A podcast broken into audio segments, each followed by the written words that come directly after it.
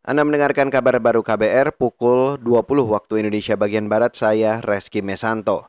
Saudara Jaksa Pinangki Sirna Malasari hari ini difonis 10 tahun penjara karena bersalah dalam kasus penanganan perkara terpidana korupsi hak tagi atau CC Bank Bali Joko Chandra. Majelis Hakim Pengadilan Tindak Pidana Korupsi atau Tipikor Jakarta yang dipimpin IG Eko Purwanto menyatakan, Pinangki terbukti menerima suap melakukan tindak pidana pencucian uang atau TPPU dan pemufakatan jahat terkait penanganan perkara Joko Chandra. 4. Menjatuhkan pidana terhadap terdakwa tersebut oleh karena itu dengan pidana penjara selama 10 tahun dan denda sebesar 600 juta rupiah dengan ketentuan apabila denda tersebut tidak dibayar diganti dengan pidana kurungan selama enam bulan. Fonis ini lebih berat dibandingkan tuntutan jaksa penuntut umum atau JPU yang meminta Pinangki difonis 4 tahun penjara dan denda 500 juta rupiah, subsidiar 6 bulan kurungan. Kata IG Purwo, Pinangki terbukti menerima uang sebesar 500 ribu dolar Amerika atau sekira 7 miliar rupiah dari Joko Chandra. Selain itu, majelis hakim memperberat hukuman Pinangki lantaran dia adalah penegak hukum, tidak mengakui perbuatan dan berbelit-belit saat memberi keterangannya. Beralih ke informasi selanjutnya, Saudara, Satgas Percepatan Penanganan COVID-19 mengakui dua tahap pemberlakuan pembatasan kegiatan masyarakat atau PPKM masih belum menunjukkan hasil maksimal. Namun juru bicara pemerintah untuk penanganan COVID-19, Wiku Adhisa Smito mengklaim ada perbaikan dari kebijakan tersebut. PPKM dilaksanakan mulai 11 Januari hingga 8 Februari 2021 di sebagian Jawa dan Bali.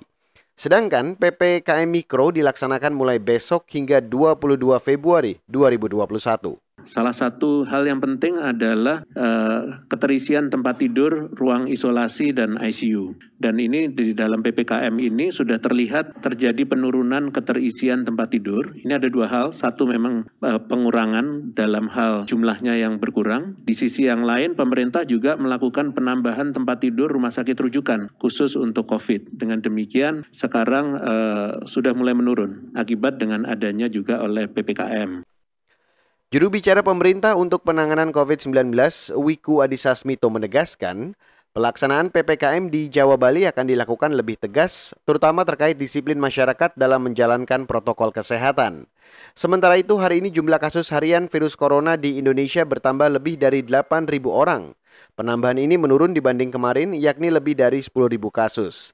Selain itu, angka kasus sembuh juga tertinggi pada hari ini, yaitu 13.000 lebih. Sementara itu, Saudara Komite Penasehat Ahli Imunisasi Indonesia atau ITAGI mendukung pemberian vaksinasi COVID-19 untuk kelompok lanjut usia. Menurut anggota ITAGI, Kusnandi Rusmil, pemberian vaksin untuk kelompok lansia ini akan mempercepat target vaksinasi di tanah air. Uh, Itagi setuju untuk diberikan pada lansia itu kedua dan Itagi mendukung program pemerintah supaya uh, vaksinasi ini uh, bisa cepat ter ter teratasi. Anggota Itagi, Kusnandi Rusmil. Sebelumnya, Badan Pengawas Obat dan Makanan atau BPOM telah memberikan izin penggunaan vaksin CoronaVac produksi Sinovac untuk kelompok usia lanjut. Persetujuan diberikan setelah BPOM mengkaji hasil uji klinis di Brazil dan Cina. Meski membolehkan, namun BPOM meminta vaksinasi tetap dilakukan hati-hati dan sesuai prosedur. Dan saudara demikian kabar baru untuk hari ini. Saya Reski Mesanto mewakili tim redaksi yang bertugas mengucapkan terima kasih.